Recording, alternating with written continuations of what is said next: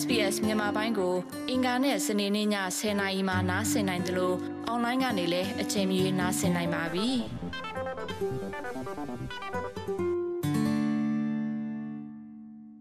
သောရရှင်များယခုတင်ဆက်ပေးမှာတော့ကွာရှင်းပြီးတဲ့အခါမှာမိဘအုပ်ထိပ်မှုအစီအစဉ်များကိုသင်ဘလို့လုံနိုင်လဲဆိုတာကို ရှင်းပြပေးမှာဖြစ်ပါတယ်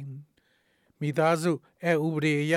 ခွဲခွာခြင်းသို့မဟုတ်ကွာရှင်းပြဆဲပြီးနောက်ကလေးသူငယ်များရဲ့ပြုစုစောင့်ရှောက်အခွင့်အရေးများကိုမိဘအုပ်ထိပ်မှုဆိုင်ရာညှိနှိုင်းမှုအားလုံးကိုလမ်းညွှန်ပေးထားတာတွေရှိပါတယ်။အသက်ဆက်ရှင်နှစ်အောက်ကလေးငယ်တူသည်မိသည့်နေရာတွင်နေထိုင်ရမည်ကိုတရားဝင်မဆုံးဖြတ်နိုင်ပါဘူး။ထို့ကြောင့်ဘေးကင်းသောလက်တွေ့ကြပြီးကလေးတွေအဓိက ပြုစုစောင့်ရှောက်ပေးတဲ့အစီအစဉ်များကိုမိဘများသဘောတူညီရန် မြင်ညာစရာများရှိပါတယ်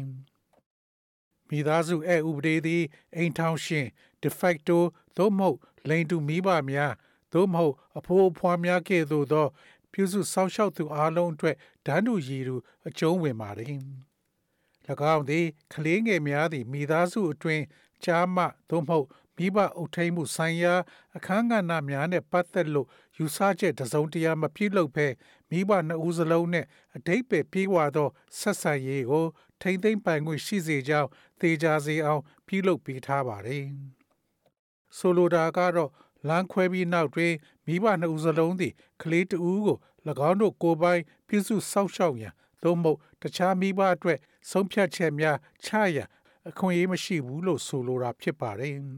။ Bernadette Grandinetti သည် Victoria Legal Aid ရဲ့ယာယီ Program Manager ဖြစ်ပါတယ်။ Family Law အဲဥပဒေအရဒန်းတူညီတူမိဘအုပ်ထိန်းမှုတာဝန်ယူမှုဟုယူဆကြောင်းသူမကပြောဆိုပါတယ်။မိသားစုအကြမ်းဖက်မှုကိစ္စများတွင် တရားရုံးများကသာမိဘတဦးသည်၎င်းတို့ရဲ့သားသမီးများကို မတွေ့ရဟုတားဆီးနိုင်ပါတယ်။တူညီသောတာဝန်ဝတ္တရားသည်ကလေးငယ်သည်မိဘတဦးစီနဲ့ဓာ တ်တူအချိန်ပေးရမယ်လို့လည်းမဆိုလိုပါဘူး။ဘယ်အစီအစဉ်ကအသင့်တော်ဆုံးလဲဆိုတာကိုမိဘတွေအတူတကွဆုံးဖြတ်နိုင်ပါလေ။မိဘနှစ်ပါးစလုံးသည်ကလေးကိုမြည်သူနဲ့နေထိုင်သည်ဖြစ်စေငွေကြေးအရထောက်ပံ့ပေးရန်လိုအပ်ပါတယ်။ကွာရှင်းပြဆဲသွားသောမိဘများစွာသည်၎င်းတို့ကြားတွင် အလွတ်သဘောနှုတ်ဖြစ်မိဘအုပ်ထိန်မှုအစီအစဉ်များကိုပြုလုပ်နိုင်ကြပါတယ်။ မိဘများသည်မိဘအုပ်ထိန်ခြင်းအစီအစဉ်ဖြစ်လာသည့်သဘောတူညီချက်ကို ရေးသားပြီးလက်မှတ်ထိုးရန်လည်းရွေးချယ်နိုင်ပါတယ်။မိဘအုပ်ထိန်မှုအစီအစဉ်များသည်တရားဝင်စီးနားမှုတော့မဟုတ်ပါဘူး။ကွာရှင်ပြီးနောက်ပဋိပက္ခများရော့ပါစေရန်ရည်ရွယ်ပြီးမိဘများအထိပ္ပယ်ယူမှုမှားလာသောအခါတွင်ကွာရှင်ပြီးနောက်ပဋိပက္ခများကိုရှော့ချရန်ရည်မှန်းခြင်းဖြစ်ပါတယ်။ အစီအစဉ်များတွင်လက်ရှိဘဏ္ဍာရေးအစီအစဉ်များနှင့်နေထိုင်မှုအစီအစဉ်များဆိုင်ရာသဘောတူညီချက်တစ်ခုပါဝင်နိုင်ပါတယ်။ဥပမာကလေးတွေကဒီရက်ပိုင်းမှာအမေနဲ့အတူနေကြမယ်။နောက်ရက်ပိုင်းမှာတော့အဖေနဲ့အတူနေကြမယ်ဟု ACT ရှိအမျိုးသမီးဥပဒေရေးရာဝန်ဆောင်မှုဆိုင်ရာအကြီးအကဲရှေ့နေရှီရင်ဖက်ခါနီကပြောဆိုပါတယ်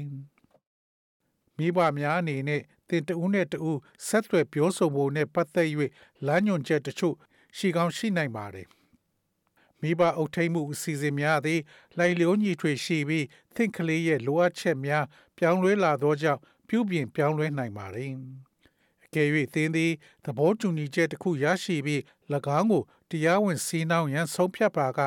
မိဘအုပ်ထိန်မှုသဘောတူခွင့်ပြုမိတ်ဟုခေါ်တဲ့အရာကို Australia Federal Circuit နဲ့ Federal Court တွင် online ပေါ်မှရှောက်ထားနိုင်ပါတယ်။မိသားစုအငင်းပွားမှုဖြေရှင်းရေးမိဘများသဘောတူညီချက်မရရှိနိုင်မှာကဖြန့်ဖြေပေးခြင်းသို့မဟုတ်မိသားစုအငင်းပွားမှုဖြေရှင်းရေးသည် များသောအားဖြင့်နောက်တစ်ဆင့်ဖြစ်ပါတယ်။ပြည်내နဲ့နယ်မြေတစ်ခုစီရှိ ဥပဒေရေးရာအထောက်အကူပေးရေးကော်မရှင်များသည်ငွေကြေးအကူအညီပေးရန်အကျုံးဝင်သူများအတွက်တရားဝင် အကူအညီပေးရေး ပေးဆောင်နိုင်ပါတယ်။ပြည်내နဲ့နယ်မြေတစ်ခုစီရှိ ဥပဒေရေးရာအထောက်အကူပေးရေးကော်မရှင်များသည်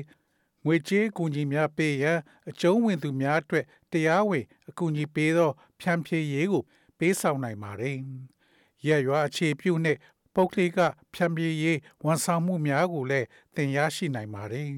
။မိသားစုတရားရုံးသည် မိဘများသဘောတူညီချက်တစ်ခုရရှိရန်နှင့်တရားရုံးကိုရှောင်ရှားရန်မိသားစုအငင်းပွားမှုဖြေရှင်းရေးအရင်းအမြစ်များကိုပံ့ပိုးပေးပါတယ်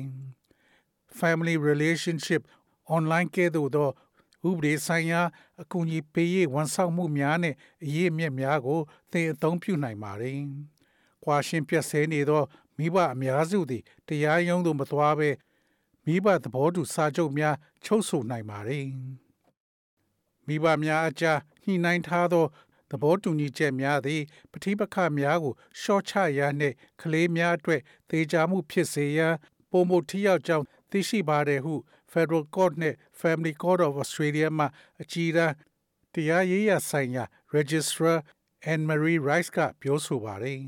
။ Family Dispute Resolution Practitioner FDRP သည်ပဋိပက္ခဖြစ်ပွားနေသော မိသားစုများနှင့်အလုပ်လုပ်ဆောင်သော အထူးလေးချင့်ပေးထားတဲ့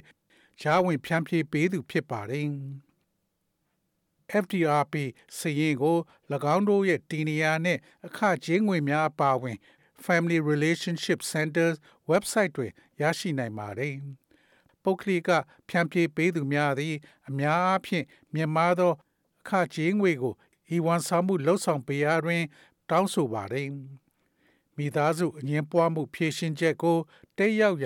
ရှေ့နေမလိုအပ်ပါဘူး။ FDRP သည်စိစက်ညှိနှိုင်းမှုများသည့်ဘေးကင်းကြောင်းသေချာစေပြီးအိမ်တွင်းနှင့်မိသားစုအကြမ်းဖက်မှုအပါအဝင်မြည်သည့်ဆေးဆက်ညှိနှိုင်းမှုမပြုလုပ်မီတွင်မစိုးစိုးရိမ်ပူပန်မှုသို့မဟုတ်အနေများကိုသင်နှင့်သီးသန့်ဆွေးနွေးနိုင်ပါ रे အကယ်၍သင်သည် FTR ကိုတိတ်ရောက်ရန်တခြားမိဘထံမှဖိတ်ကြားချက်ကိုလက်ခံရရှိပါက၎င်းကိုဂယုတစိုက်စဉ်းစားပြီးသင်တွင် မေကွန်များရှိပါကဥပဒေအကြံဉာဏ်များကိုရယူသင့်ပါ रे သင်မတက်ရောက်ရန်ရွေးချယ်ပါကသင်ရဲ့ထဲသွင်းမှုမပါဘဲဆုံးဖြတ်ချက်တစ်ခုကိုချမှတ်နိုင်ပါတယ်။သဘောတူညီချက်များသေးသောကြောင့်တရားရုံးသို့သွားလျင်ပင်တရားသူကြီးရှေးမောက်တွင် ရုံးတင်စစ်ဆေးရအခွင့်အလမ်းမှာအလွန်နှဲပါကြောင်း Registrar Rice ကရှင်းပြပါတယ်။ Federal Circuit Court နဲ့ Family Court of Australia သည်အငင်းပွားမှုများကိုတတ်နိုင်သမျှထိထိရရဖြေရှင်းရန်မိဘများအားအကူအညီပေးရန်တာဝန်ရှိပါတယ်။ဒါတောင်မှဒါကတရားရုံးကဘယ်တော့မှသူတို့ရဲ့ပုံမှုနှစ်သက်တဲ့ရွေးချယ်မှုတော့မဟုတ်ပါဘူး။ မိသားစုဥပဒေစနစ်မှာအလုံးလုံးတဲ့သူတိုင်းကတရားရုံးဟာနောက်ဆုံးအားကိုနေရလို့ပြောကြလိမ့်မယ်လို့ထင်ပါတယ်။ကလေးတွေနဲ့ပတ်သက်သောတရားဝင်အမိန့်တရက်အတွက်တရားရုံးသို့ရှောက်ထားလိုသူတိုင်းသည်အရေးတကြီးနဲ့အန္တရာယ်များသောကိစ္စများမှလွဲ၍တခြားမိဘများနှင့်သဘောတူညီချက်တစ်ခုရရှိရန်ဥစွာစ조사ပါဟု Registrar Rice ကပြောဆိုပါတယ်။ဆိုလိုတာက သူတို့ဟာမှတ်ပုံတင်ထားတဲ့ FDRP နဲ့ဖြန့်ပြေးရေးတက်ရောက်ရမှာဖြစ်သလိုဖြန့်ပြေးရေးတက်ရောက်ရမှာဖြစ်သလိုသဘောတူညီချက်မရရှိနိုင်ကြောင်းအတည်ပြုဖို့အတွက်မိသားစုကလက်မှတ်ထိုးထားတာကိုရယူရမှာပါတရားရုံးအမိန့်သည်သားသမီးများနှင့်ဆက်လင်း၍မိဘများလှုပ်ဆောင်ရမယ့်အရာသို့မဟုတ်ငွေရေးကြေးရေးကိစ္စများကိုသတ်မှတ်ပေးတဲ့တရားဝင်စာရွက်စာတမ်းတစ်ခုဖြစ်ပါတယ် မိဘများကြားသဘောတူညီချက်သို့မဟုတ်ကြားနာပြီးနောက် registrar သို့မဟုတ်တရားသူကြီးကဖြစ်စေအမိန့်ပေးနိုင်ပါတယ်၎င်းတို့သည်တရားဝင်စီနှောင်းထားပြီးခလေးဆက်ရှင်နှစ်မပြည့်မချင်းအဲ့ဒါကအသက်ဝင်ပါတယ်တရားရုံးသည်၎င်းတို့ရဲ့အမိန့်ကို အလွန်အလေးနဲ့ထားပြီးအမိန့်ကိုဖောက်ဖျက်ပါကသီးသာထင်ရှားသောအကျိုးဆက်များနဲ့သင်ရင်ဆိုင်နိုင်ရပါတယ်တရားရုံးရဲ့ website ကတော့ www.fcfcoa.gov.au forward slash fl forward slash children forward slash overview website တွင်စာရွက်စာတမ်းများပြုစုခြင်းနှင့်စတင်အသင်အားကူညီရန်အရင်းအမြစ်များရရှိနိုင်ပါတယ်။သင်ကလေးနှင့်အတူနောက်တနေရာသို့ပြောင်းခြင်းသင်ကလေးနှင့်နိုင်ငံရခြားသို့မဟုတ်ပြည်내တစ်ခုသို့ပြောင်းရွှေ့နေထိုင်မှာက သင်တွင်တရားရုံးအမိန့်မရှိပါက တခြားမိဘရဲ့သဘောတူညီချက်ကိုလိုအပ်ပါတယ်။ Sharon Fekhani ကဒါကရှေ့နေနဲ့စကားပြောတဲ့အချိန်မှာနေရာရွှေ့ပြောင်းခြင်းဆိုသည်မှာမိသားစုနဲ့ထောက်ပံ့မှုသို့မဟုတ်ငွေကြေးဆိုင်ရာထဲသွင်းစဉ်းစားမှုများနဲ့ပုံမနီးစပ်မှုရှိမရှိနဲ့တရားရုံးသည် လုံခြုံရေးဆိုင်ရာကိစ္စရာများကိုထဲသွင်းစဉ်းစားမှာဖြစ်ပါတယ်။ဥပဒေအကြံဉာဏ် ဤစနစ်သည်အတော်လေးတုံလုံးခြောက်ခြားပွဲကောင်းတော်လဲသင်အား၎င်းကိုကြော်လွှားသွားရတွင် အထောက်အကူပြုနိုင်တယ်လို့ Bernadette Granati ကပြောကြားပါတယ်။သင်ကွာရှင်းပြီးဘာလို့အမှမသေးကြရင်ဒါမှမဟုတ်